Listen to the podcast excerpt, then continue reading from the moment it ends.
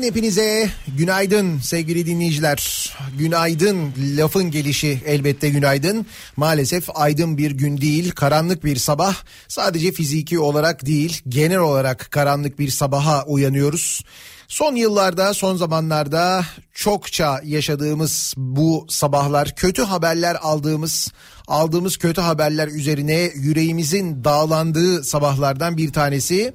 E, kimi zaman işte maden kazalarıyla, kimi zaman başka hadiselerle, kimi zaman terör saldırıları sonrasında hayatını kaybeden insanların yasını tutmuş bir ülke olarak bu kez e, aleni bir şekilde aslında bir savaşta kaybettiğimiz Tabii tartışılır e, ne savaşı olduğunu tam olarak bilmediğimiz ama bir savaşta kaybettiğimiz 33 canımız için e, bu sabah canımız gerçekten yanıyor. Dün geceden beri yaşanan gelişmeler ve hakikaten de insanı e, merakta bırakan gelişmeler. Çünkü söylentilerle başlayan ve sonrasında resmi açıklamalarla doğrulanan gelişmelerden bahsediyoruz. Suriye'de İdlib'de Türk ordusuna gerçekleştirilen saldırı Suriye ordusu tarafından deniyor. Fakat Rus televizyonları açık açık biz gerçekleştirdik diyor. Rus ordusunun gerçekleştirdiğini bu saldırıyı söylüyor. E, çünkü Suriye'de e, rejim güçleri denilen güçler aslında işte Suriye ordusu ve Rus ordusu. Nitekim e, Rus televizyonlarında Rus ordusunun açıklamaları yayınlanıyor. Deniyor ki Rusya tarafından Suriye'de her kim e, Suriye ordusunun karşısındaysa karşısında aleni olarak Rus ordusunu bulur deniyor. Yani aslına bakarsanız dediğim gibi Rusya tarafından gerçekleştirilen bir saldırıdan bahsediyoruz. E, hepsi bunların tabi detay ayrı ama 33 askerimizi kaybettik. 33 şehidimiz var. Çok gerçekten e, yani hani böyle rakam 1 olmuş 33 olmuş hiç fark etmiyor ki netice itibariyle can gidiyor. O canı kaybedenlerin e, işte yakınlarını annelerini babalarını o insanların bir düşünün sayının daha yüksek olması daha fazla insanın canının yanması bir taraftan fakat bir taraftan dün geceden beri gelen haberler ki inanılmaz rakamlar telaffuz ediliyordu. Hep resmi açıklamaları beklemek e, gerektiğini e, ben de sosyal medyada söylüyordum. Nitekim şu ana kadar gelen resmi açıklamalarda 33 şehidimiz olduğu söyleniyor. Olağanüstü bir gece yaşandı. Ee, bir tarafta işte güvenlik e, zirvesi toplandı. E, Cumhurbaşkanı başkanlığında tüm siyasi partiler teyakkuza geçtiler. Olağanüstü e, MKYK toplantıları oldu e, işte basından biz takip ettik. Basından derken tabii basından ne kadarını takip edebildik. Basında da tuhaf şeyler oldu. Gerçekten çok tuhaf şeyler oldu dün gece. Onlarla ilgili de konuşacağız. Ama işte orada da bir teyakkuz durumu oldu. Sonra sosyal medyadan tabii insanlar haber almak için epey bir uğraş gösterdiler. Fakat sosyal medya ya ulaşım engellendi e, engellendiği e, çok net bir şekilde anlaşıldı. Ekşi Sözlük kapatıldı ulaşılamıyordu dün gece. E, Twitter'a aynı şekilde ulaşılamadı. Hala ulaşılamayan e, sistemler hala ulaşılamayan iletişim kanalları var bir taraftan. VPN'lerle e, insanlar ki VPN dönemleri zaman zaman yaşıyoruz biz. İşte o yine VPN'ler indirildi. Bilgisayarlara cep telefonlarına kuruldu ki sosyal medyaya erişim sağlanabilsin o şekilde sağlanabilen erişimle e, bilgi e, edinmeye çalıştı insanlar. Ama dediğim gibi bir taraftan da çok ciddi bir bilgi kirliliği vardı. Tabii şimdi resmi bir açıklama ya da doyurucu bir açıklama yapılmayınca üstelik e, açıklama yapılmayıp bir taraftan da karşı argümanlar e, böyle sistemli bir şekilde yayınlanmaya başlayınca Türk medyasında e, tabii doğal olarak soru işaretleri daha da büyüdü. İnsanlar daha fazla merak ettiler ve gecenin sonunda yani sabaha karşı şu anda elimizde olan bilgi maalesef bu 33 şehidimiz var ve Türkiye aleni bir şekilde savaşta öyle görülüyor. Ee, Suriye ile savaşa girmiş gibi görünüyoruz e, açık açık söylenmiyor ama aslında Rusya ile de bir yandan savaşa girmiş gibi görünüyoruz. Çünkü dediğim gibi Rusya aleni bir şekilde karşı tarafta diyor ki Suriye'ye giren Suriye topraklarında e, Suriye rejimine karşı ya da Suriye ordusuna savaş açan karşısında bizi bulur diyor.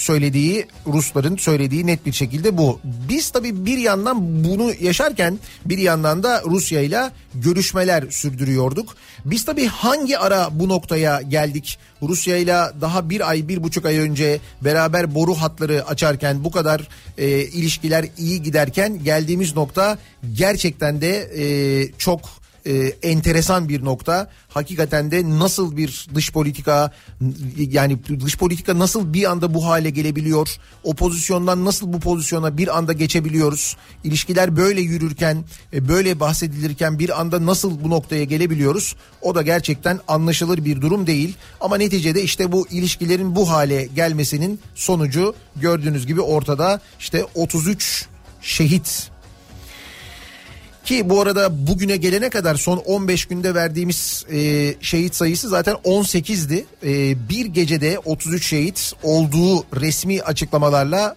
söyleniyor. Bir kez daha biz milletimize hepimize başsağlığı dilerken ama özellikle Şehitlerin ailelerine tabi başsağlığı diliyoruz. Ateş düştüğü yeri yakıyor. Şimdi neler oldu dün geceden beri biraz gelişmelere bakalım. Ee, gazetelerde neler yazıyor onlara da bakacağız bu sabah.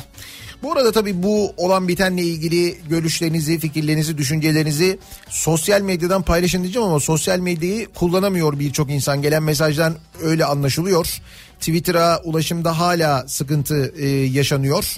E, WhatsApp çalışıyor. WhatsApp üzerinden tabii bu arada WhatsApp çalışınca sosyal medya engellenince işte mesela e, Twitter'a ulaşım engellenince e, işte ekşi sözlük kapatılınca haliyle insanlar e, açık olan iletişim kanallarına e, yönleniyorlar ve bu WhatsApp üzerinden dolaşan e, kimi görüntüler, kimi ses kayıtları e, işte İdlib'de çekildiği söylenen ya da oradan geldiği söylenen ya da oradan birileri tarafından e, seslendirildiği söylenen ses kayıtları dolaşılıyor. İşte maalesef e, bu da bir bilgi kirliliği yaratıyor. Çünkü o kayıtların hepsine insanlar şartsız bir şekilde inanıyorlar.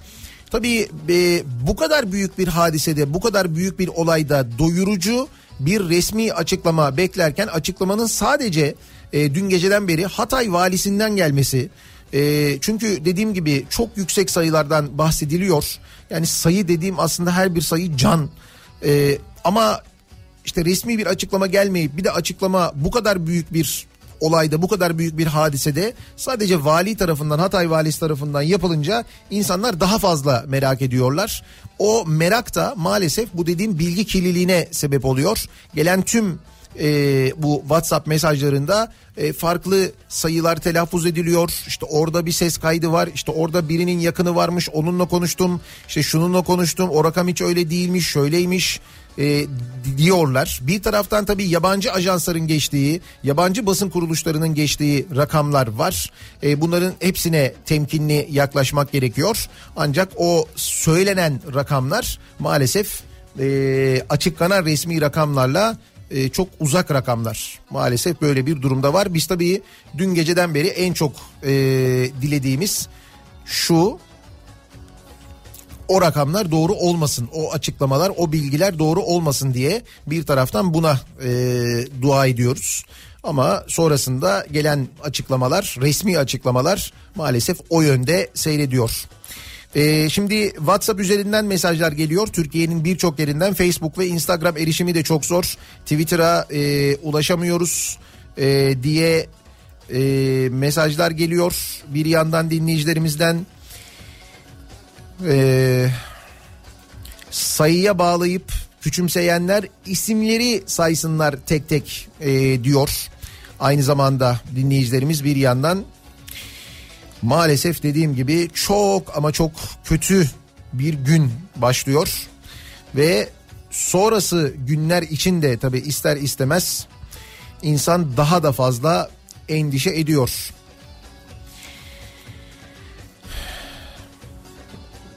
Şöyle bir soru var. Ee, bugün mesela şimdi ben gazetelere ve gelen haberlere bakıyorum. Birazdan detaylara da bakacağız ama e, gazete pencerenin bugünkü manşeti şöyle e, bir soru daha doğrusu. Şehitler tepesi dolmadı mı diye sormuş. Gazete pencere en az 33 şehit. Gazete pencere bu başlıkla çıkmış.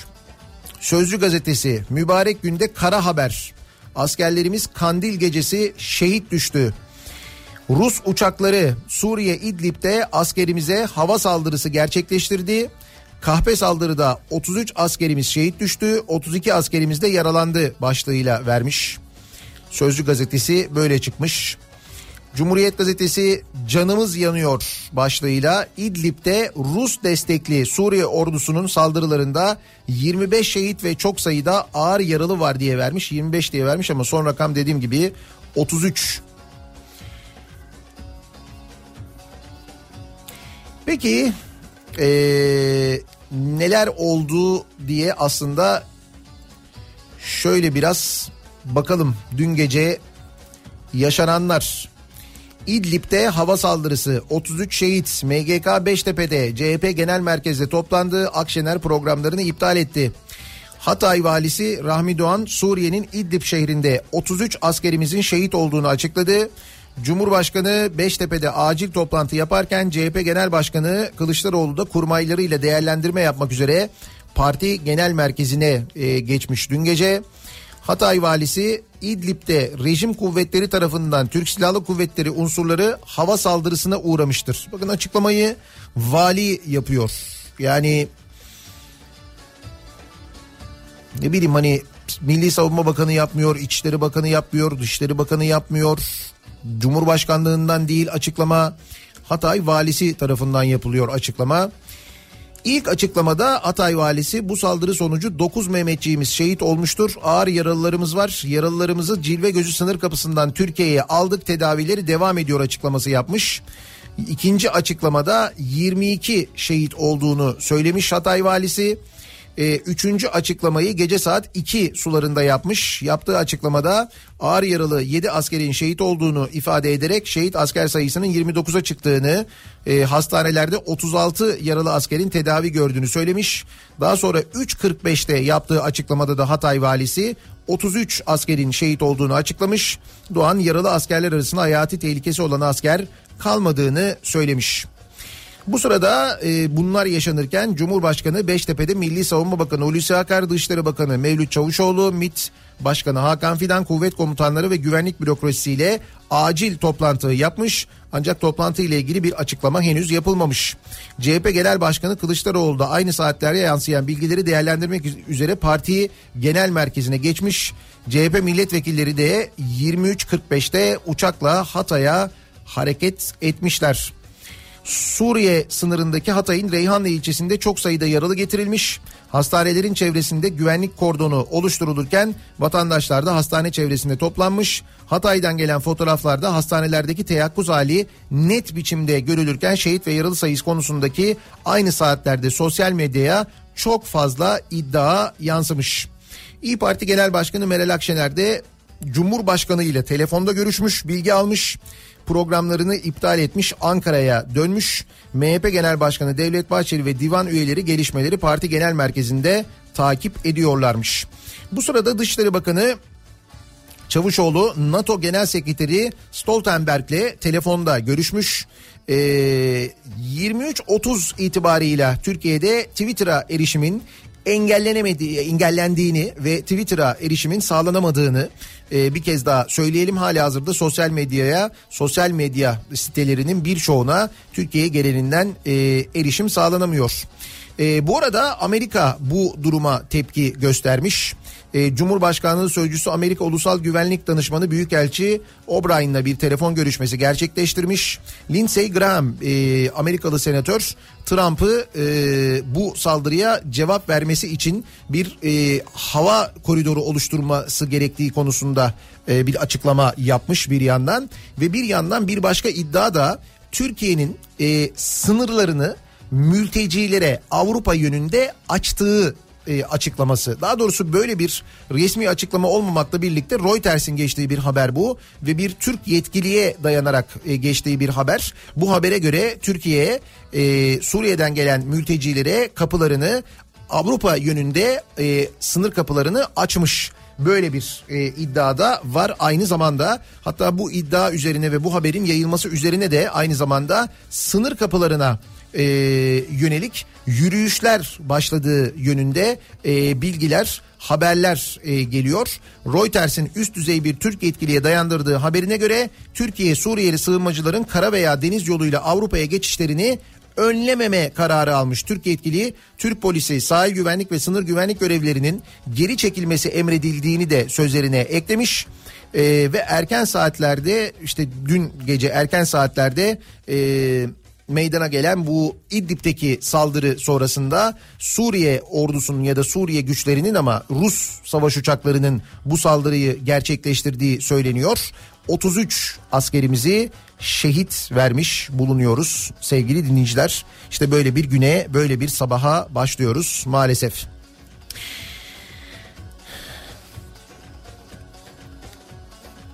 Bir ara verelim. Reklamların ardından devam edelim.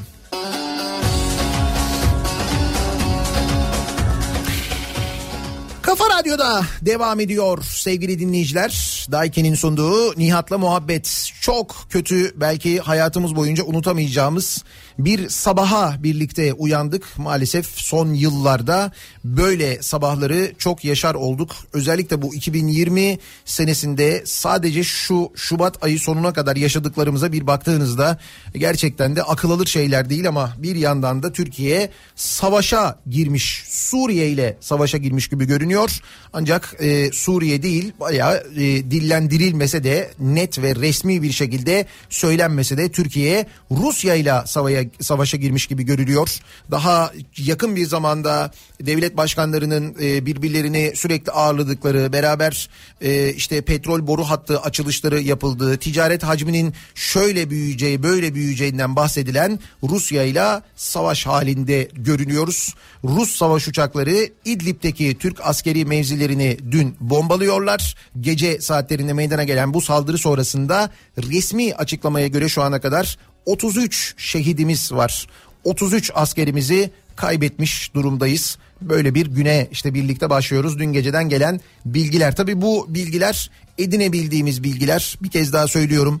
Ee, bir karartma uygulanıyor sosyal medya tarafında. Sosyal medyada böyle bir karartma uygulanınca doğal olarak insanlar daha fazla erişebilmek için e, uğraşıyorlar ve oradaki her bilgiye e, inanır vaziyete geliyorlar. İşte Twitter çalışmayınca, Facebook çalışmayınca, oradan bir bilgi paylaşılmayınca bu kez WhatsApp devreye giriyor ve WhatsApp üzerinden işte şuradan duydum, buradan geldi, oradan gelen bir ses kaydı, benim orada bir yakınım var, yakınımın arkadaşının işte şusu var falan şeklinde gelen bilgiler dolaşıma giriyor maalesef ve o gelen bilgilerle insanlar ister istemez e, yanlış bilgilere doğru bir taraftan yönleniyorlar. Acı daha çok artıyor e, bir taraftan bir taraftan e, ister istemez gerçekten de çok e, üzüntü artıyor, öfke artıyor.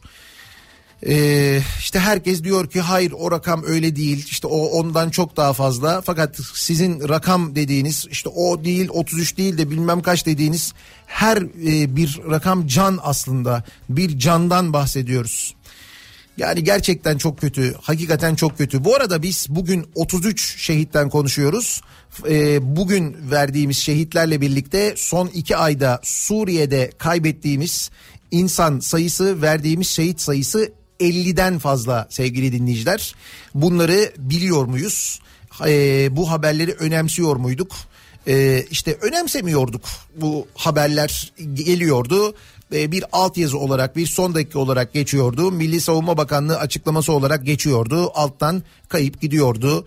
E, işte yetkililer açıklama yapıyorlardı. Şehitler Tepesi boş kalmayacak diye. İşte gördüğünüz gibi işte bugün sormuş bir gazete mesela Şehitler Tepesi dolmadı mı diye soruluyor.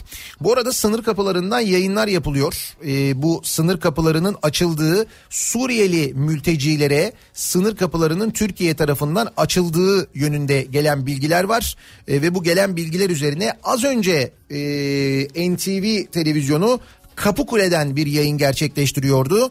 O yayında mültecilerin yürüyerek Kapıkule sınır kapısına doğru gittikleri e, görülüyordu. Denizden ve karadan yapılan sınır kontrollerinin Suriyeli mültecilere yapılmayacağı yönünde bir e, resmi açıklama yok. Reuters'in geçtiği bir haber bir Türk yetkiliye dayandırarak geçtiği bir haber var ve bu haber üzerine de işte mültecilerin sınır kapılarına doğru yürüyüşe geçtikleri yönünde bir e, bilgi var. Tabii sorular var. Herkesin aklındaki sorular. Şimdi o sorular sosyal medyaya işte VPN aracılığıyla girebilenler sosyal medya üzerinden soruyorlar. WhatsApp'tan çok mesaj geliyor dinleyicilerimizden. Bizim orada ne işimiz var e, diye sorular var. Neden oraya giriyoruz diye sorular var. Nereden çıktı bu kriz? Rus uçakları bizi vuruyor diye sorular var ama işte gündemi biraz takip edenler e, bu noktaya böyle e, adım adım nasıl geldiğimizi işte bir ayda e, yaşananları karşılıklı açıklamaları takip edenler 3 aşağı 5 yukarı anlayacaklardır. Bu arada bütün bunlar olurken Rus uçakları e, Suriye ordusuna destek veren şimdi rejim güçleri diyoruz biz ona ama işte o Suriye ordusuna destek veren Rus e, ordusu. Üstelik e, biz burada bunu söylerken Rus televizyonlarında yayınlanıyor. E, Rus ordusunun açıklamaları yayınlanıyor. Her kim ki deniyor özellikle her kim ki e, Suriye topraklarına girer ve Suriye ordusuna karşı savaşırsa karşısında Rus ordusunu bulur açıklaması dün Rus televizyonlarında dün gece Rus televizyonlarında yayınlanıyordu. Açık açık söylüyor Rusya girerseniz vururuz diye. Üstelik e, Rusya'nın e, İdlib'de İdlib ve çevresinde bir e, uçuşa yasak bölge ilan ettiğini biliyoruz. Yani bizim askerlerimiz İdlib'de e, işte şehit olan askerlerimiz ve oraya gönderdiğimiz karayoluyla gönderdiğimiz askerlerimizin havadan bir koruması yok bizim tarafımızdan. Bunu yapamıyoruz çünkü Rusya izin vermiyor. Çünkü diyor ki orası Suriye toprağı. Ben Suriye ile birlikte hareket ediyorum. Suriye rejimini koruyorum. Burada e, bir uçuş yapmanı istemiyorum ve biz bunu yapamıyoruz. Ve hava desteği vermeden e, askerlerimizi oraya gönderiyoruz ki en fazla eleştirilen konulardan bir tanesi bu. Bu yönde e, uzmanların yaptığı açıklamalar genelde bu yönde en fazla bu konu eleştiriliyor. Hava desteği olmadan oraya karadan askerlerimizin gönderilmesinin çok ağır sonuçları olabileceği yönünde yapılan dün ondan önceki gün ondan önceki gün yapılan birçok açıklama var. Tabii bu açıklamalar uzmanların bu değerlendirmeleri savunma konusunda uzman olanların değerlendirmeleri nerede var? Yani bu seyrettiğiniz işte NTV, CNN Türk, Habertürk falan oralarda yok. Oralarda yayınlanmıyor, yayınlanamıyor. Ama işte takip ettiğiniz kimi sitelerde görebiliyorsunuz bu açıklamaları haber sitelerinde ve maalesef onların öngördüğü şekilde oluyor. Rus ordusuna ait uçaklar tarafından mevzilerimiz bombalanıyor ve 33 askerimiz gerçekleştirilen bir hava saldırısı sonrasında hayatını kaybediyor. Durum bu. Yani biz Rusya ile e, şu anda eğer bir savaşa girdiysek savaş halindeyiz. Bütün bunlar olurken Türkiye'de Ankara'da Rus heyetle Türk e, heyet arasındaki görüşmeler de devam ediyordu. Dün gece de devam ediyordu bu görüşmeler. İşte e, orada İdlib'de bir çözüm, o bölgede bir çözüm bulunabilir mi diye. Ancak günlerdir devam eden görüşmelerden bir çözüm alınamamıştı. En son gelen açıklamalarda Rusya Devlet Başkanı Putin'le Cumhurbaşkanı Erdoğan'ın görüşeceği yönünde e, bir açıklama vardı. Hatta bizzat Cumhurbaşkanı 5 Mart'ta e, en kötü görüşeceğiz e, Putin'le. Putin İstanbul'a gelecek demişti. Bu açıklama üzerine Kremlin'den bir açıklama yapılmıştı. Cumhurbaşkanı'nın açıklaması üzerine Kremlin'den yapılan açıklamada da 5 Şubat günü Putin'in başka programları olduğu yani görüşmenin olmayacağı söylenmişti bizzat Kremlin tarafından Cumhurbaşkanı yalanlanmıştı. En son böyle bir bilgi vardı ve o noktadan sonra e, bir temas yani iki devlet başkanı arasında da bir temas olmuş değil. Şimdi doğal olarak herkes gayet tedirgin bir şekilde e, bekliyor. Yani ne olacağını bekliyor. Acaba görüşürler mi bu iki lider daha yakın bir zamanda birbirlerine işte dondurma ısmarlayan iki liderden bahsediyoruz değil mi? Çok böyle samimi pozlar veren e, birlikte Rusya'da birlikte Türkiye'de e, açılışlar yapan açıklamalar yapan iki liderden bahsediyoruz. O görüntülerin üzerinden daha bir ay bir buçuk ay iki ay geçmeden nasıl bu noktaya gelindiğini gerçekten insan merak ediyor bir taraftan. Türkiye göçmenlere Avrupa kapılarını açtı haberi. Şimdi bu haberle ilgili de görüntüler geliyor. Sınır kapılarına büyük yürüyüşler olduğu Suriyeli mülteciler tarafından e, anlaşılıyor. Gelen görüntülerden canlı yapılan yayınlardan da net bir şekilde anlaşılıyor. Sınır kapılarının açılmasıyla mülteciler Avrupa'ya geçişe başladı. E, gerek Suriye sınırından gerekse Türkiye içinden Avrupa'ya gitmek isteyen mülteciler yollara düştü. Türkiye şimdi bu kartı oynuyor. NATO'nun konuya müdahil olma isteği anlaşılan NATO tarafından kabul görmediyse çünkü Dışişleri Bakanı NATO Genel Sekreteri Stoltenberg'le de görüştü dün gece. Bu görüşmenin ardından Türkiye'nin böyle bir karar alması e, NATO'nun ya da işte Avrupa'nın bu konuda e, çekimser kalmasını önlenmek önlemek maksadıyla yapılmış gibi de aynı zamanda görülüyor maalesef böyle bir durumda var e, bu şekilde bir hamle de yapmış vaziyette Türkiye. Şimdi tabii e, Hatay'dan bizi dinleyenler var. Hatay'daki dinleyicilerimizden gelen mesajlar var. Dün Hatay'da yaşadıklarını e, anlatıyorlar. Durum e, burada gerçekten çok kötüydü. Daha önceki hiçbir acıya benzemiyordu. Gece bizim Hatay'da yaşadığımız insanlar hastanelerin önünü doldurdu. Çok öfkeli bir o kadar da üzgündü herkes diyor mesela. Ee, biz tabi burada e, Türkiye'nin diğer kentlerinde, diğer şehirlerinde bir taraftan e, bilgi almaya çalışırken, o bilgiye ulaşmaya çalışırken e, bir taraftan da e, düşünsenize Hatay'da olduğunuzu, orada hemen burnunuzun dibine işte gelen ambulans seslerini, orada hastanelerde yaşanan paniği e, ve yine de bilgi alamayışınızı işte kulaktan kulağa yayılan e, bilgiler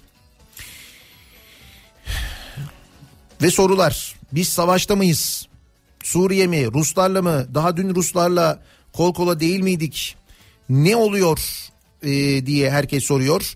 Hiçbir sosyal medya mecrana giremiyoruz, ulaşamıyoruz diyor e, insanlar bir taraftan aynı zamanda. E, böyle mesajlar tabii mesaj atabilenler sosyal medyaya VPN üzerinden işte farklı e, internet servis sağlayıcıları üzerinden bağlanabilenler var. O bağlanabilenler ki bu arada WhatsApp'a da bazı bölgelerde ulaşımla ilgili problem e, yaşandığı yönünde gelen bilgiler de var. Sevgili dinleyiciler WhatsApp'a da erişimle ilgili sıkıntılar yaşanıyormuş. Neler oldu dün gece 33 askerin şehit olduğu İdlib'de dakika dakika neler yaşandı diye yazmış e, bir toparlama yapmış tarafsız e, haber ajansı .com oradan e, okuyalım bakalım neler yaşandığını. Suriye'nin İdlib kenti kırsalında düzenlenen hava saldırısı sonrasında 33 askerimiz şehit oldu. İki ülkeyi savaşın eşiğine getiren saldırı sonrası dünyanın gözü İdlib'e çevrildi. Euronews'un haberine göre akşam saatlerinden şu ana kadar yaşanan gelişmeler şöyle. Türk askeri konvoyuna düzenlenen hava saldırısı sonrası büyük bir kalabalık Reyhanlı Devlet Hastanesi çevresinde toplanmaya başlandı. Hatay valisi Rahmi Doğan önce 9 kısa süre sonra da 22 olarak açıkladığı hayatını kaybeden asker sayısını ilerleyen saatlerde 33 olarak duyurdu. Cumhurbaşkanlığı İletişim Başkanı Fahrettin Altun Suriye rejimine ait hedeflerin vurulduğunu ve askeri teçhizatların yok edildiğini, Suriye ordu mensuplarının öldürüldüğünü açıkladı ki biz bu sırada Hatay'dan bilgi almaya çalışırken işte bu e, sosyal medya üzerinde çok sayıda şehit olduğu yönünde bilgiler gelirken insanlar Hatay'da devlet hastanelerinin önüne koşarken ne oluyor diye o sırada eee bir anda bütün medyada Türkiye'nin işte 17 günde Suriye'de ne kadar e, işte ne kadar e, top ne kadar e, mevzi ne kadar tank vurduğunu anlatan haberler ve görüntüler geçmeye başlamıştı. Yani biz Hatay'da ne oluyor İdlib'de ne oluyor diye bilgi beklerken bu sırada böyle bir yerden gönderildiği çok net bir şekilde belli olan bilgiler geçmeye başlamıştı ve Hatay'dan bilgi alamadık uzun süre. İşte o sırada dediğim gibi bu sosyal medya e, bilgileri dolaşmaya başladı ve sonra derken sosyal medyada e, yavaşladı ve e, zaman geçtikçe e, erişim tamamen e, imkansız hale geldi. E, Muhalefet ve MHP olağanüstü toplandı. CHP ve MHP olağanüstü toplantı gerçekleştirdi.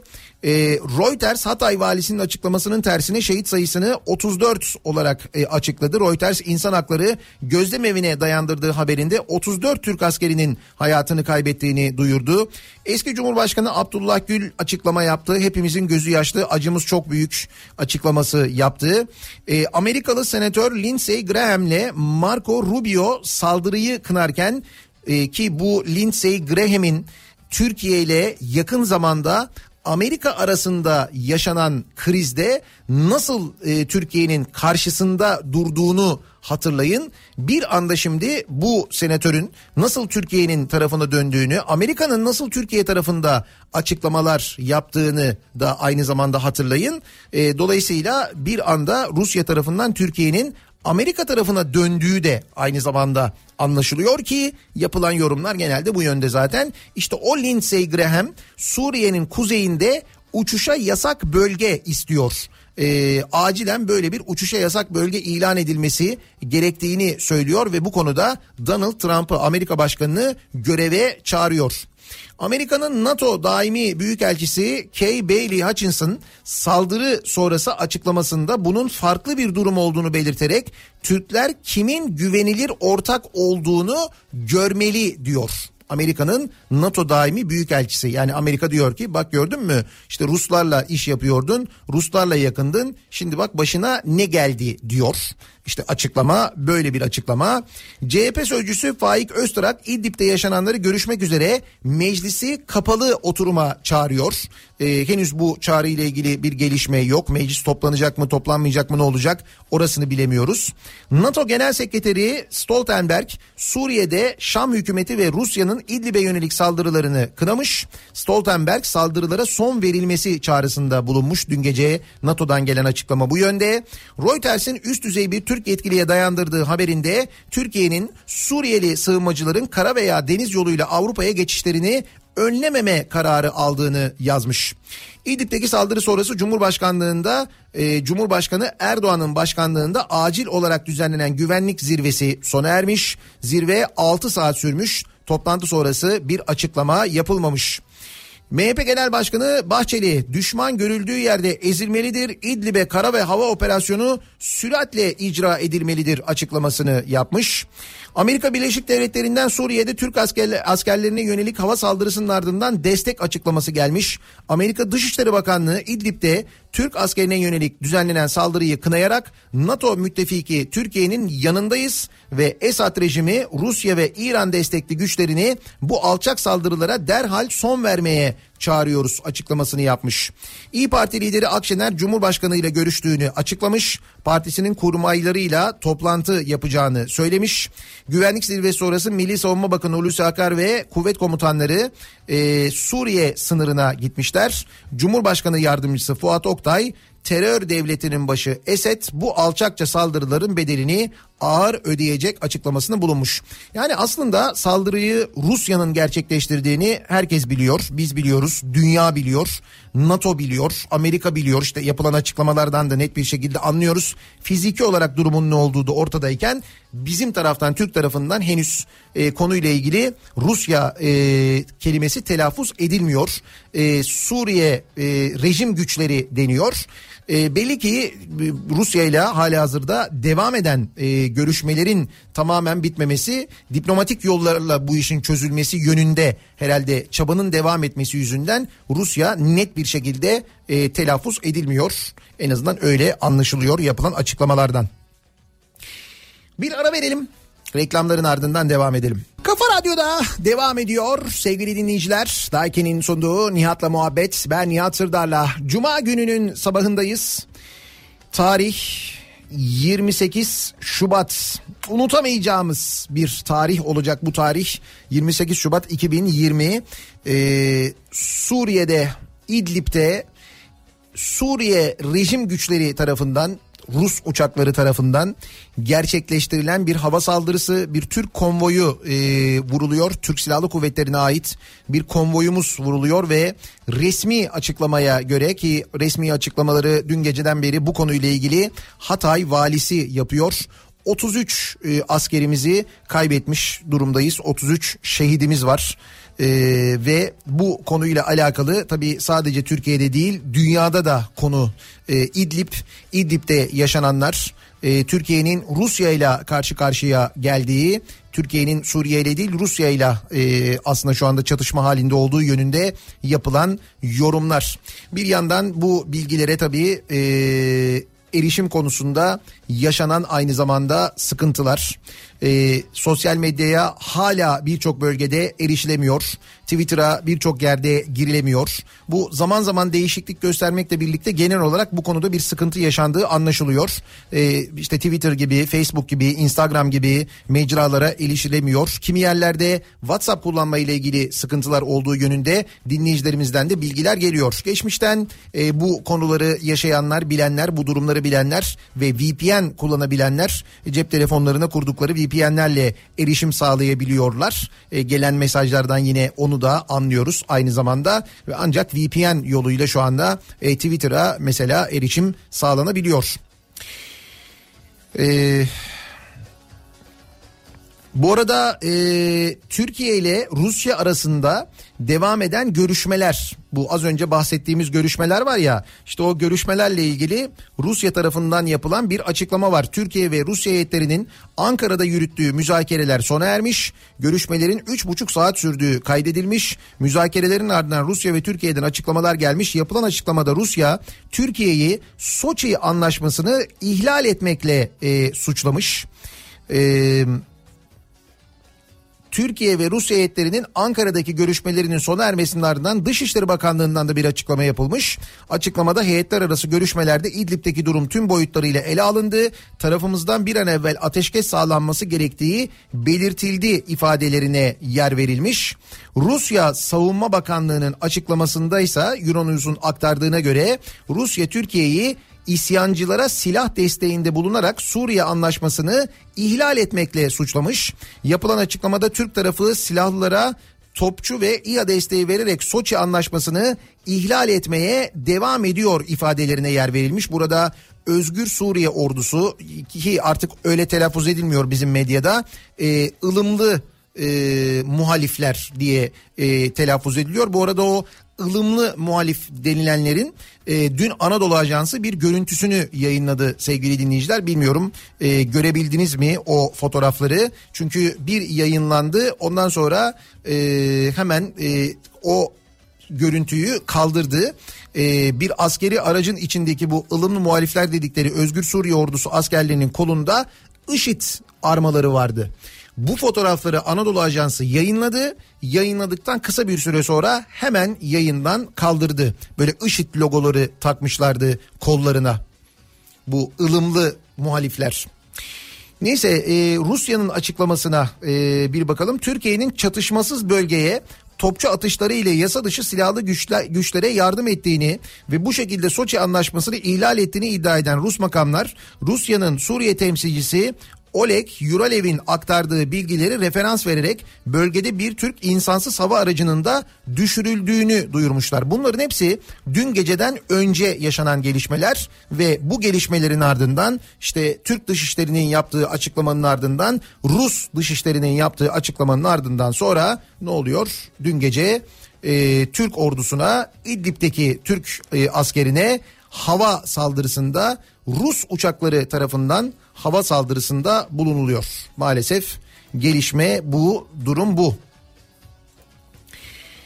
Gazetelerden bahsetmiştik. E, gazeteler nasıl vermişler e, haberleri, dün gece yaşanan gelişmeleri. E, tabii baskıya girdikleri saatlerde gelen bilgiler e, dahilinde e, haberler yer alıyor ama e, işte 25 şehit ve çok sayıda ağır yaralı var diye vermiş mesela canımız yanıyor manşetiyle e, Cumhuriyet gazetesi Suriye'deki bataklık e, İdlib'de İdlib'den yürek yakan haberler geldi. Vilayetin doğusundaki Serakib'i ele geçiren Türk Silahlı Kuvvetleri destekli Özgür Suriye ordusu Şam Halep bağlantısını sağlayan M5 karayolunu yeniden kesti.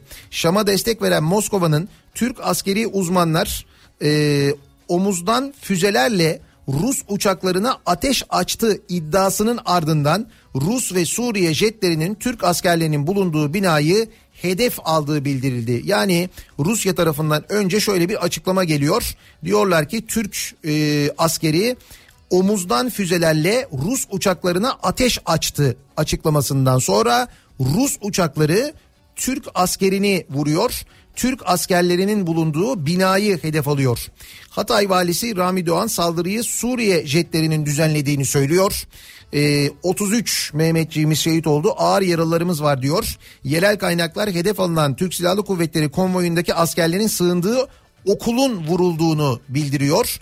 Kaynaklar şehit sayısının artabileceğini söylemiş. Dün ayrıca farklı bölgelerde düzenlenen hava saldırılarında 3 askerimiz daha şehit düşmüş. Yani bu 33 askerimizin haricinde dün gün içinde 3 şehit haberi daha gelmiş. Tabii bu e, haberlerin hemen ardından sarayda düzenlenen gece e, zirvesinin haberi var. E, İdlib'e hava desteği olmadan askeri yığınak yapılması eleştirilirken güvenlik kaynakları 17 günlük operasyonlarda 1709 Suriye askeri etkisiz hale getirildi. 55 tank, 3 helikopter, 18 zırhlı araç, 29 obüs, 21 askeri araç, 4 Doçka imha edildiği açıklamasını yapmış. İşte dün biz Hatay'dan bilgi Hatay'dan haber beklerken o sırada bu bilgiler bu haberler geçiyordu bütün televizyon kanallarından. Ankara'nın İdlib'deki insani krizi seyirci kalmakla suçladığı Avrupa'ya verdiği mesaj sınır kapılarını Suriyeli mültecilere kara ya da deniz yoluyla Avrupa'ya geçişlerini durdurmama kararı, sınır kapılarını açma kararı bu da Avrupa'nın gündeminde en çok konuşulan konulardan bir tanesi bu.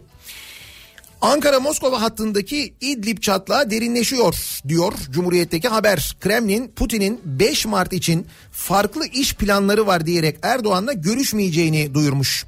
Rus heyetin Ankara'daki temasları dün de devam etmiş. AKP sözcüsü Çelik görüşmelerin tıkanma aşamasına geldiğini söylemiş. İşte o tıkanma aşamasına geldikten sonra görüşmeler geldiğimiz nokta bu. Milli Savunma Bakanı Akar İdlib konusunda Amerikalı mevkidaşı Esper'le görüşmüş. Amerika Savunma Bakanı ile Pentagon Amerika'nın Türkiye ve uluslararası toplumla birlikte çalışmasının yollarını arıyoruz açıklamasını yapmış. Amerika'nın NATO temsilcisi Türkiye gerçek dostlarını görsün demiş. Dışişleri Bakanı Çavuşoğlu da NATO Genel Sekreteri ile görüşmüş aynı zamanda. Peki dış basında e, hangi bilgiler var? Acaba dış basın e, nasıl görüyor İdlib saldırısını?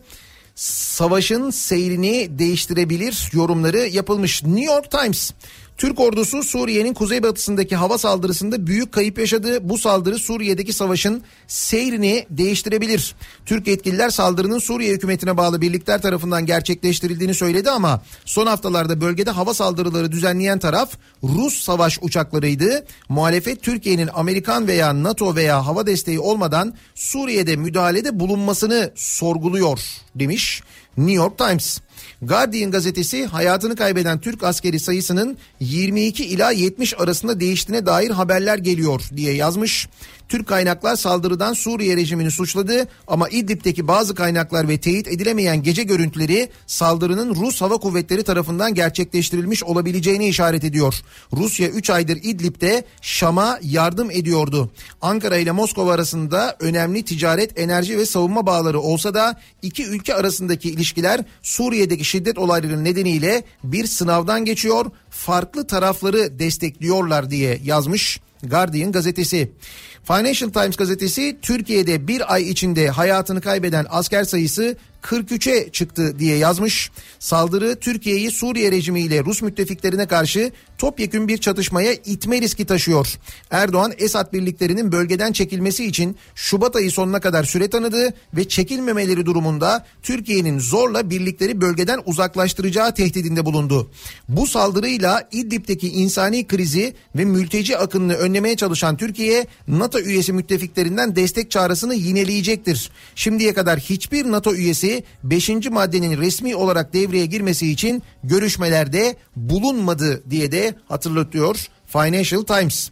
Le Monde gazetesi de bombardımanlar Ankara ile Moskova'nı Moskova'nın arasını açma riski doğuruyor. Rus ve Türk yetkililer arasındaki yeni tur görüşmeler perşembe günü Ankara'da gerçekleşti. Sonucu ile ilgili bir açıklama yapılmadı. Şam Rusya'nın hava desteğiyle 2019 Aralık ayında İdlib'in geri alınması için operasyon başlattı. Son haftalarda rejim ve müttefiki Rusya Türkiye sınırındaki birçok bölgenin kontrolünü ele geçirdi diye yazmış. Le Monde gazetesi. İşte bu şekilde görüyor dünya basını e, İdlib'de yaşananları son gelişmeleri. Ve tabii Avrupa basınının e, son dakika olarak verdiği gelişme Türkiye göçmenlere Avrupa kapılarını açtı şeklinde o bilgi en çok e, paylaşılan ve en çok haber olan bilgi. Ee, ki Ömer Çelik'in bu konuda bir açıklaması var. Türkiye artık mültecileri kontrol edemeyecek noktaya gelmiştir. Mülteci geçişlerini engelleyemeyecek noktaya gelmiştir diye bir açıklama var. Yani resmi olarak sınır kapıları açıldı denmiyor. Fakat işte Reuters'e e, açıklama yapılıyor. İsimsiz açıklama yapılıyor. Tabi bu haberler yayılır yayılmaz da e, mülteciler, Suriyeli mülteciler sınır kapılarına doğru şu anda yürüyüşe geçmiş vaziyetteler. Sınır kapılarından e, diğer tarafa doğru geçiş işlerin başladığı yönünde bir yandan da aynı zamanda bilgiler geliyor. Tabii çok sayıda e, mesaj geliyor dinleyicilerimizden. WhatsApp üzerinden mesaj göndermek biraz daha kolay. E, VPN üzerinden bağlanabilenler e, sosyal medyaya ki bu arada GSM operatörleri üzerinden de bağlanamıyor e, kullanıcılar. GSM operatörlerinde de işte bazı sosyal medya uygulamalarında erişim problemleri yaşanmaktadır ve ilgili firmalar sorunu incelemektedir şeklinde açıklamalar yayınlıyorlar. Ancak e, biz daha önce de bunu yaşadığımız için biliyoruz. Sosyal medya şu anda karartılıyor. Sosyal medya engelleniyor. O net bir şekilde anlaşılıyor. Dediğim gibi VPN e, üzerinden VPN programlarıyla sosyal medyaya erişilebiliyor. Hatta dediğim gibi WhatsApp'la ilgili de zaman zaman sıkıntılar e, yaşanıyor. Bir taraftan böyle bir durumda var. Tabii e, sorular o kadar çok e, soru var ki dinleyicilerimizden gelen bu soruları genel olarak insanlar cevaplansın istiyorlar. Ee, bizim Avrupa Birliği ile yaptığımız bir geri kabul anlaşması yok mu? Sınırı ardına kadar açsak neye yarayacak? Yine bize dönmeyecekler mi diye sormuş mesela bir dinleyicimiz. Ee, bizim şimdi gerçek dostumuz Amerika mıymış yani diye e, yazan bir dinleyicimiz var mesela. Gaziantep'te hiçbir şekilde sosyal medyaya ulaşamıyoruz diye WhatsApp üzerinden mesaj gönderen e, bir dinleyicimiz var. Ne dostumuz belli ne düşmanımız hiçbir dost sınır komşumuz kalmadı neredeyse. Bu acılı günde internetin kısıtlanmasını da anlamak mümkün değil. Televizyonların çoğu yandaş olduğu için kısıtlanmıyor demek ki demiş. Ve tabii televizyonlardan da e, doyurucu bilgi almak maalesef e, mümkün olmuyor.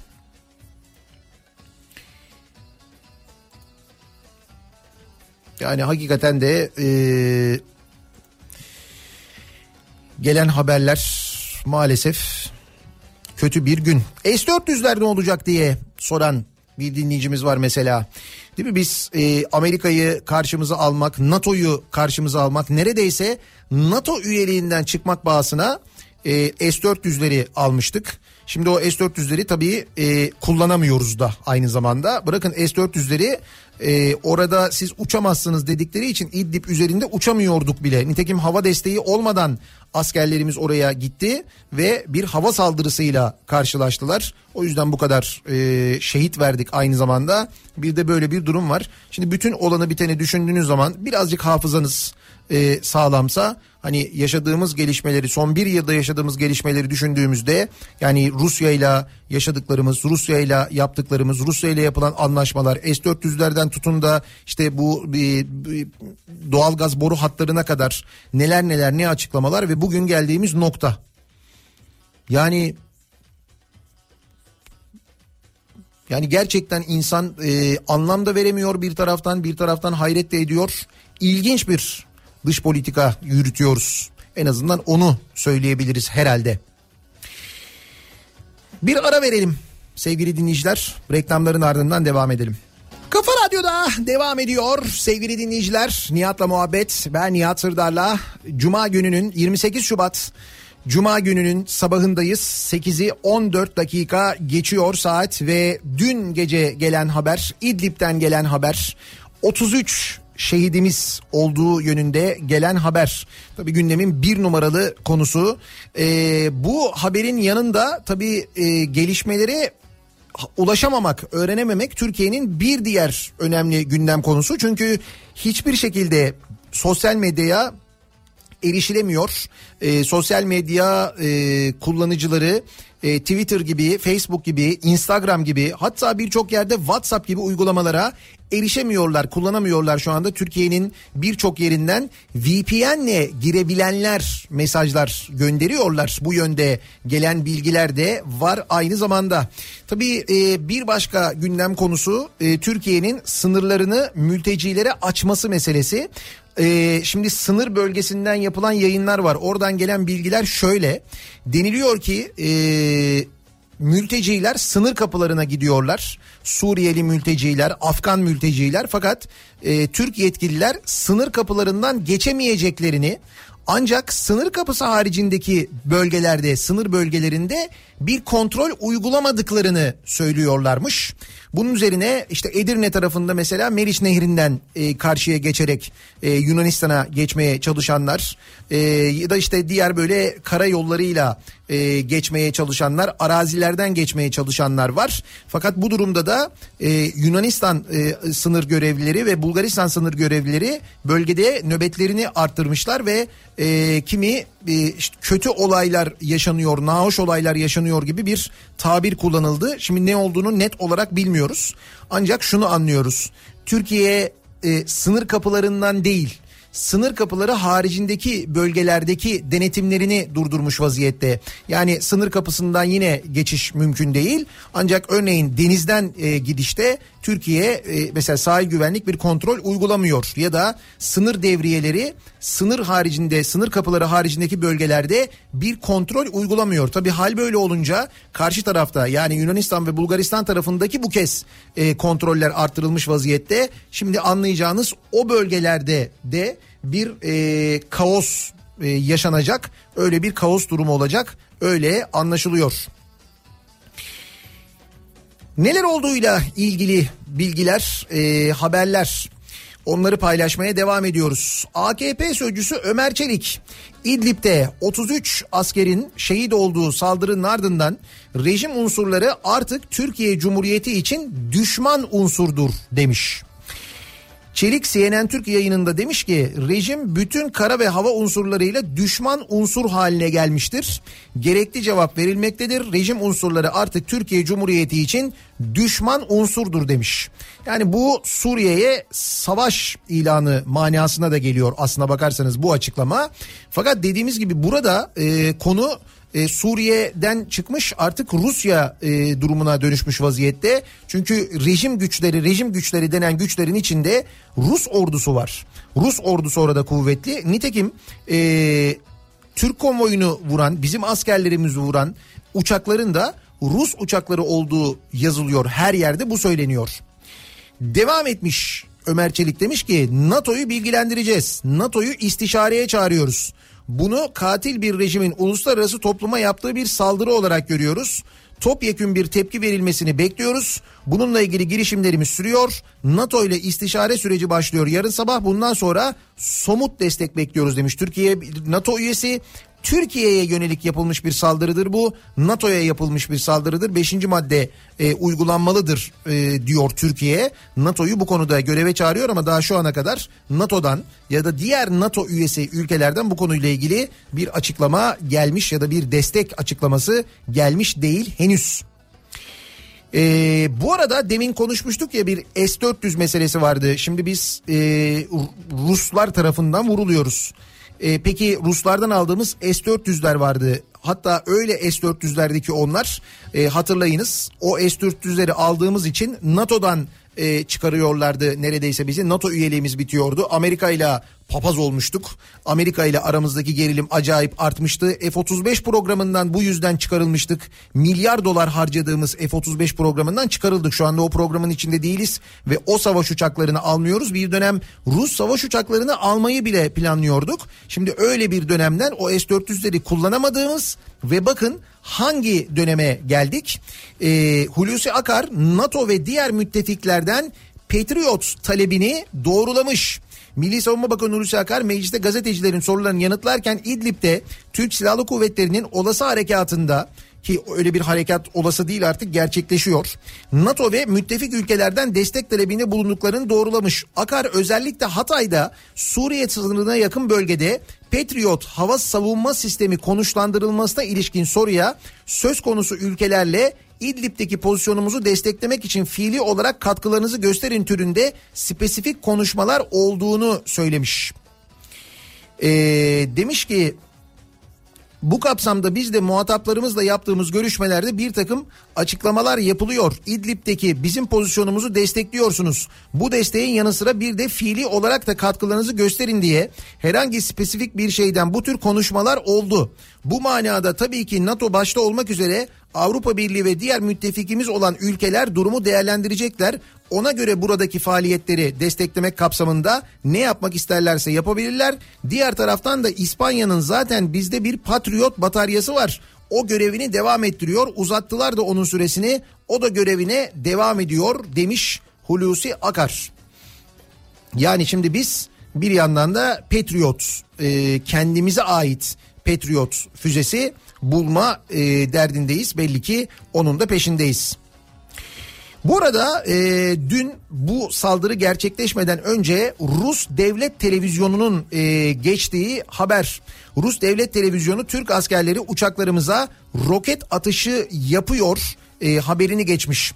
Reuters'ın haberine göre Rus devlet televizyonu İdlib'deki Türk askeri uzmanlarının Rus ve Suriye savaş uçaklarına karşı omuzdan roket fırlatabilen silahlar kullandığını ve uçakları düşürmeye çalıştığını iddia etmiş. Omuzdan roket fırlatabilen silahlar Stinger adıyla biliniyor.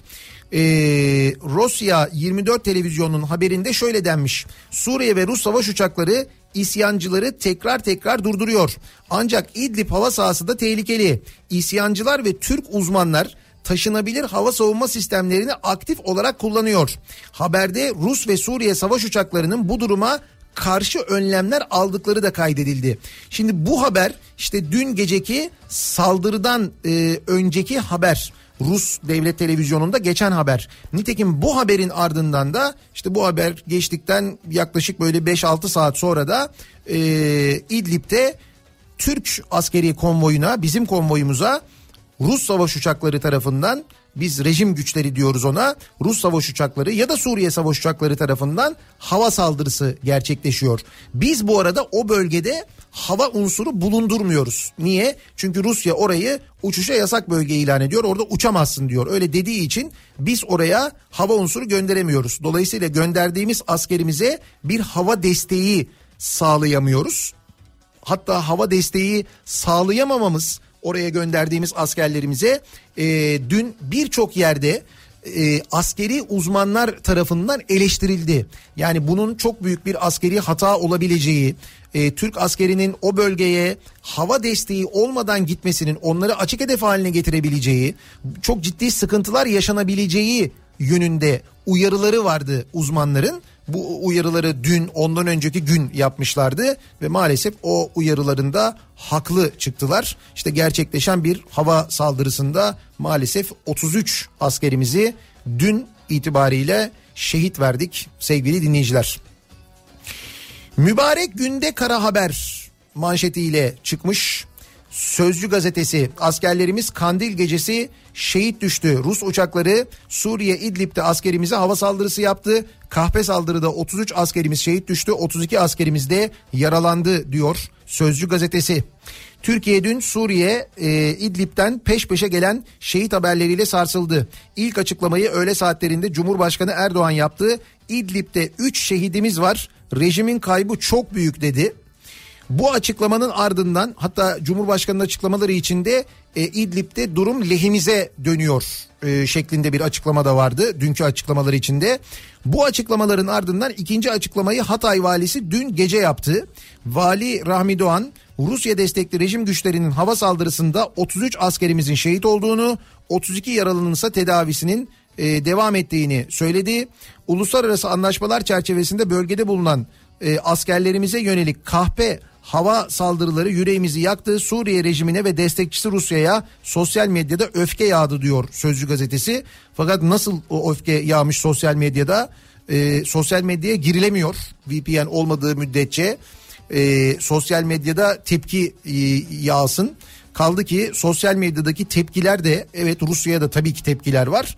Fakat e, benim gördüğüm tepkiler farklı yönde tepkiler aynı zamanda bizim ne işimiz var orada diye insanlar soruyorlar. Bir taraftan da böyle mesajlar e, var sosyal medyaya girebilenler tarafından yazılan. Güvenlik zirvesi toplanmış e, gayrimeşru rejime misliyle karşılık verilecektir açıklaması yapılmış. Mültecilere Avrupa kapısını açtık haberi de sözcünün birinci sayfasında Türkiye İdlib'den gelmesi muhtemel yeni göç dalgasının kara ve deniz yoluyla Avrupa'ya geçmesine engel olmayacağını açıklamış.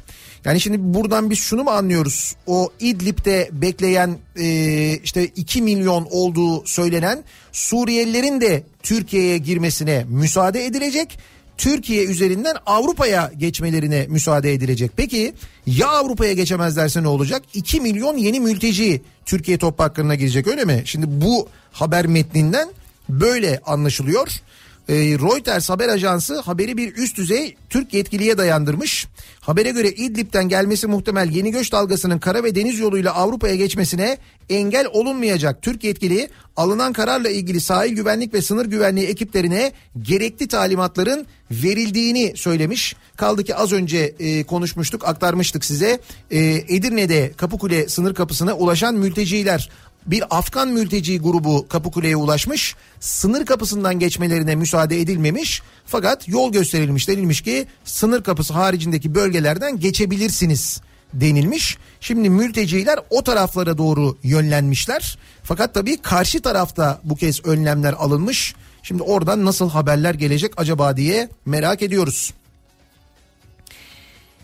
Dışişleri Bakanı Çavuşoğlu NATO Genel Sekreteri ile görüştü haberi var e, İdlib saldırısı ardından NATO Genel Sekreteri Stoltenberg ile görüşmüş Çavuşoğlu. Suriye'de rejim saldırılarına karşı alınabilecek önlemlerin konuşulduğu bu görüşmede öğrenilmiş. Sözcünün birinci sayfasındaki haberler böyle sevgili dinleyiciler.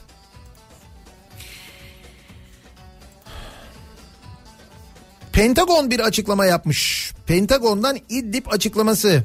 Amerika, Amerika Savunma Bakanlığı, Savunma Bakanı Mark Esper ve Milli Savunma Bakanı Hulusi Akar arasındaki telefon görüşmesine dair bir açıklama yayınlamış. Açıklamada İdlib'le ilgili olarak Türkiye ve uluslararası toplumla birlikte çalışmanın yollarının arandığı kaydedilmiş.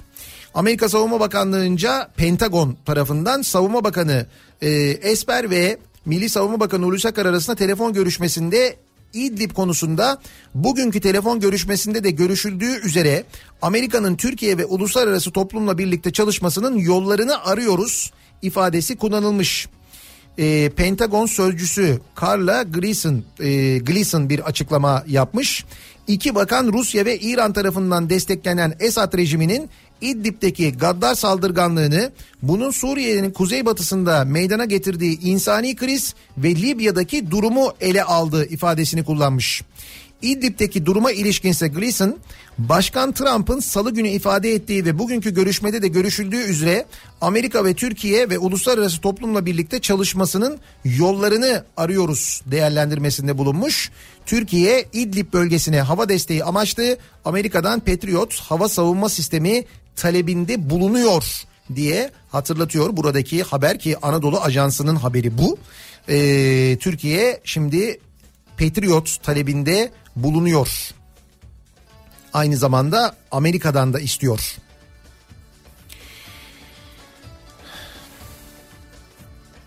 Gelen bilgiler böyle bilgiler sevgili dinleyiciler. Ee,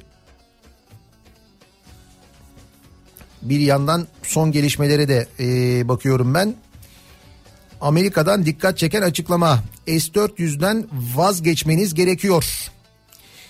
Ee, Amerika'nın NATO Büyükelçisi'nin hani Türklerin kimin güvenilir ortak olduğunu, kimin güvenilir olmadığını görmesi gerektiği açıklamasını söylemiştik ya.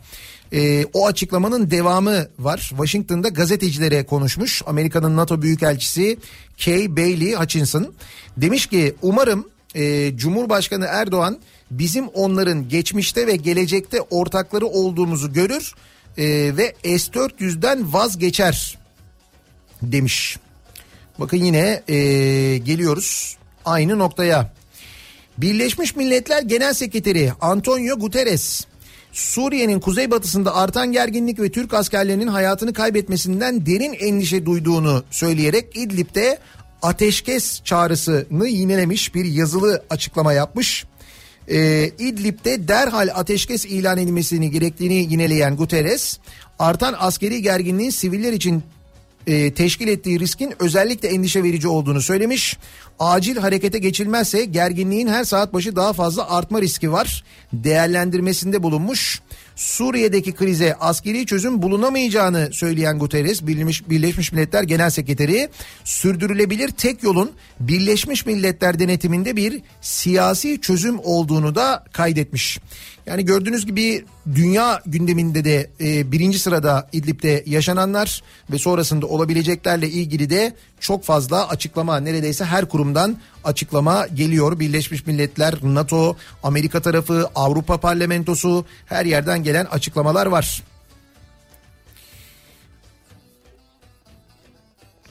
Ee, dün e, Yavuz Oha'nın e, programına katılan bir askeri yetkilinin yaptığı açıklamalar. Şimdi o da mesela sosyal medyada e, konuşuluyor. Hava desteği olmadan Türk ordusunun, Türk askeri güçlerinin e, o bölgeye İdlib'e gönderilmesinin sonunun çok kötü olabileceği yönünde e, bir açıklama olmuş. Bu çok büyük bir askeri hata olur açıklaması yapmış bu askeri uzman ve bakınız sonrasında yaşadıklarımız işte geldiğimiz nokta. Bir ara verelim sevgili dinleyiciler. Reklamlardan sonra yeniden buradayız.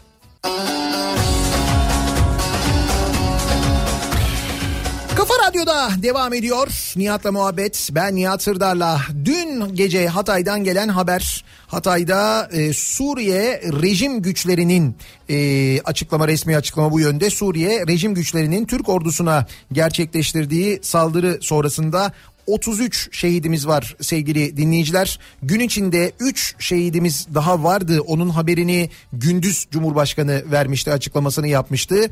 Dün dolayısıyla aslında 36 şehidimiz var. Tek bir saldırıda 33 şehidimiz olduğu yönünde Hatay valisinin en son yaptığı resmi bir açıklama var şu anda elimizde. Peki ne oldu aslında e, an be an dün geceden itibaren e, neler yaşandığını e, şöyle bir e, hatırlatalım. Türk askeri konvoyuna düzenlenen hava saldırısı sonrası büyük bir kalabalık Reyhanlı Devlet Hastanesi çevresinde toplanmaya başlandı. Nitekim bu haber Hatay'dan gelen haberler sosyal medya üzerinden yayınlanmaya başlandı. Herkes e, sağdan soldan duyduğu ya da etraftan duyduğu rakamları e, sosyal medya üzerinden paylaşmaya başladı ve bu rakamlar paylaşılırken bir resmi açıklama uzun süre gelmedi. Sonra sosyal medyaya erişim kısıtlandı. Erişim kısıtlandıktan bir süre sonra da Hatay valisi Rahmi Doğan önce 9 kısa süre sonra 22 olarak açıkladığı hayatını kaybeden asker sayısını ilerleyen saatlerde 33 olarak duyurdu. Cumhurbaşkanlığı İletişim Başkanı Fahrettin Altun Suriye rejimine ait hedeflerin vurulduğunu ve askeri teçhizatların yok edildiğini Suriye ordu mensuplarının öldürüldüğünü, açıkladı ki bu açıklamadan önce biz Hatay'dan bilgi beklerken o sırada birden bütün televizyon kanallarında e, işte 17 günde Suriye rejimine e, ver, verdirilen kayıpla ilgili haberler yayınlanmaya başladı. Reuters e, insan hakları gözlemevine dayandırdığı haberinde 34 Türk askerinin hayatını kaybettiğini duyurdu. CHP ve MHP olağanüstü toplantı gerçekleştirdi. Eski Cumhurbaşkanı Abdullah Gül başsağlığı mesajı yayınladı. Amerikalı senatör Lindsey Graham ki bu Graham'in e, bu Patriot ve S-400 tartışması sırasında e, başımıza ne dert olduğunu hatırlayacaksınız. İşte o Graham ve Marco Rubio saldırıyı kınarken Suriye'nin kuzeyinde uçuşa yasak bölge ilan edilmesini bu konuda Trump'ın harekete geçmesini istediler. Amerika'nın NATO daimi büyükelçisi saldırı sonrası açıklamasında bunun farklı bir durum olduğunu belirterek Türkler kimin güvenilir ortak olduğunu görmeli dedi. Burada Rusya'yı kastediyor. CHP sözcüsü Faik Öztürk İdlib'de yaşananları görüşmek üzere meclisi kapalı oturuma çağırdı. Ki bu kapalı oturum çağrısını Meral Akşener de yaptı. Meclisin bugün acilen toplanması gerektiği yönünde çağrılar var. Henüz o konuyla ilgili bir gelişme yok. NATO Genel Sekreteri Suriye'de Şam hükümeti ve Rusya'nın İdlib'e yönelik saldırılarını kınadı. Stoltenberg saldırılara son verilmesi çağrısında bulundu. Reuters'in üst düzey bir Türk yetkiliye dayandırdığı haberinde Türkiye'nin Suriyeli sığınmacıların kara veya deniz yoluyla Avrupa'ya geçişlerini önlememe kararı aldığını yazdı. İdlib'deki saldırı sonrası Cumhurbaşkanlığında Cumhurbaşkanı başkanlığında acil olarak düzenlenen güvenlik zirvesi yaklaşık 6 saat sürdü. Toplantı sonrası bir açıklama yapılmadı. Devlet Bahçeli düşman görüldüğü yerde ezilmelidir. İdlib'e kara ve hava operasyonu süratle icra edilmelidir açıklaması yaptı. Amerika Birleşik Devletleri'nden Suriye'de Türk askerlerine yönelik hava saldırısının ardından destek açıklaması geldi. Amerika Dışişleri Bakanlığı İdlib'de Türk askerine yönelik düzenlenen saldırıyı kınadı. NATO müttefiki Türkiye'nin yanındayız. Esad rejimi Rusya ve İran destekli güçlerini bu alçak saldırılara son vermeye çağırıyoruz açıklamasını yaptı. Ee, Güvenlik zirvesi sonrası Milli Savunma Bakanı Hulusi Akar ve komutanlar Suriye sınırına gitti. Cumhurbaşkanı Yardımcısı Fuat Oktay terör devletinin başı Esed bu alçakça saldırıların bedelini ağır ödeyecek açıklamasında bulundu. İşte dün geceden bu sabaha kadar yaşananların e, özeti bu diyebiliriz yapılan açıklamalar tarafından baktığımızda. Bir de tabii bizim gündemimiz var. Biz bir yandan şehitlerimize üzülürken bir yandan da sağlıklı haber alamama krizi yaşıyoruz. Her zaman olduğu gibi sosyal medyaya, sosyal medya uygulamalarına ulaşılamıyor. Cep telefonlarından da ev internet bağlantılarından da bir e, yavaşlatma bir karartma uygulandığı net bir şekilde anlaşılıyor. Dolayısıyla sağlıklı bilgiye ulaşmak maalesef çok ama çok zor. Yine bir VPN dönemine başlamış vaziyetteyiz. Herkes birbirine işte nasıl indiriliyordu, hangisini indirmek lazım, nasıl kullanılıyordu diye soruyor.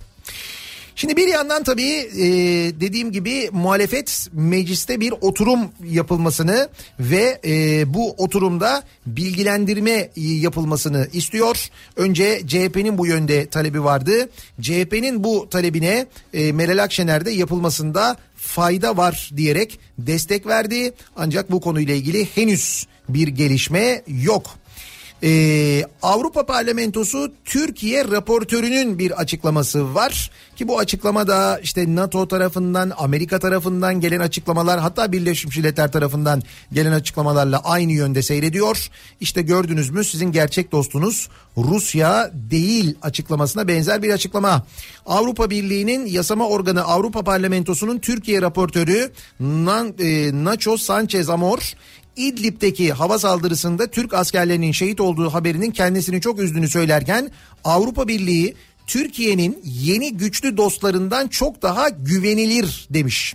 Twitter üzerinden paylaşımda bulunan Amor Türk askerlerinin can kaybı yaşamasından büyük üzüntü ve Türkiye İdlib ve sığınmacılar etrafındaki gelişmelerden büyük endişe duyuyorum. Geçmişte yaptığım açıklamayı tekrar yapmaktan derin üzüntü duyuyorum. Avrupa Birliği Türkiye'nin yeni güçlü dostlarından çok daha güvenilir. Tek başınacılığı bırakmalısınız. Bu işe yaramıyor demiş.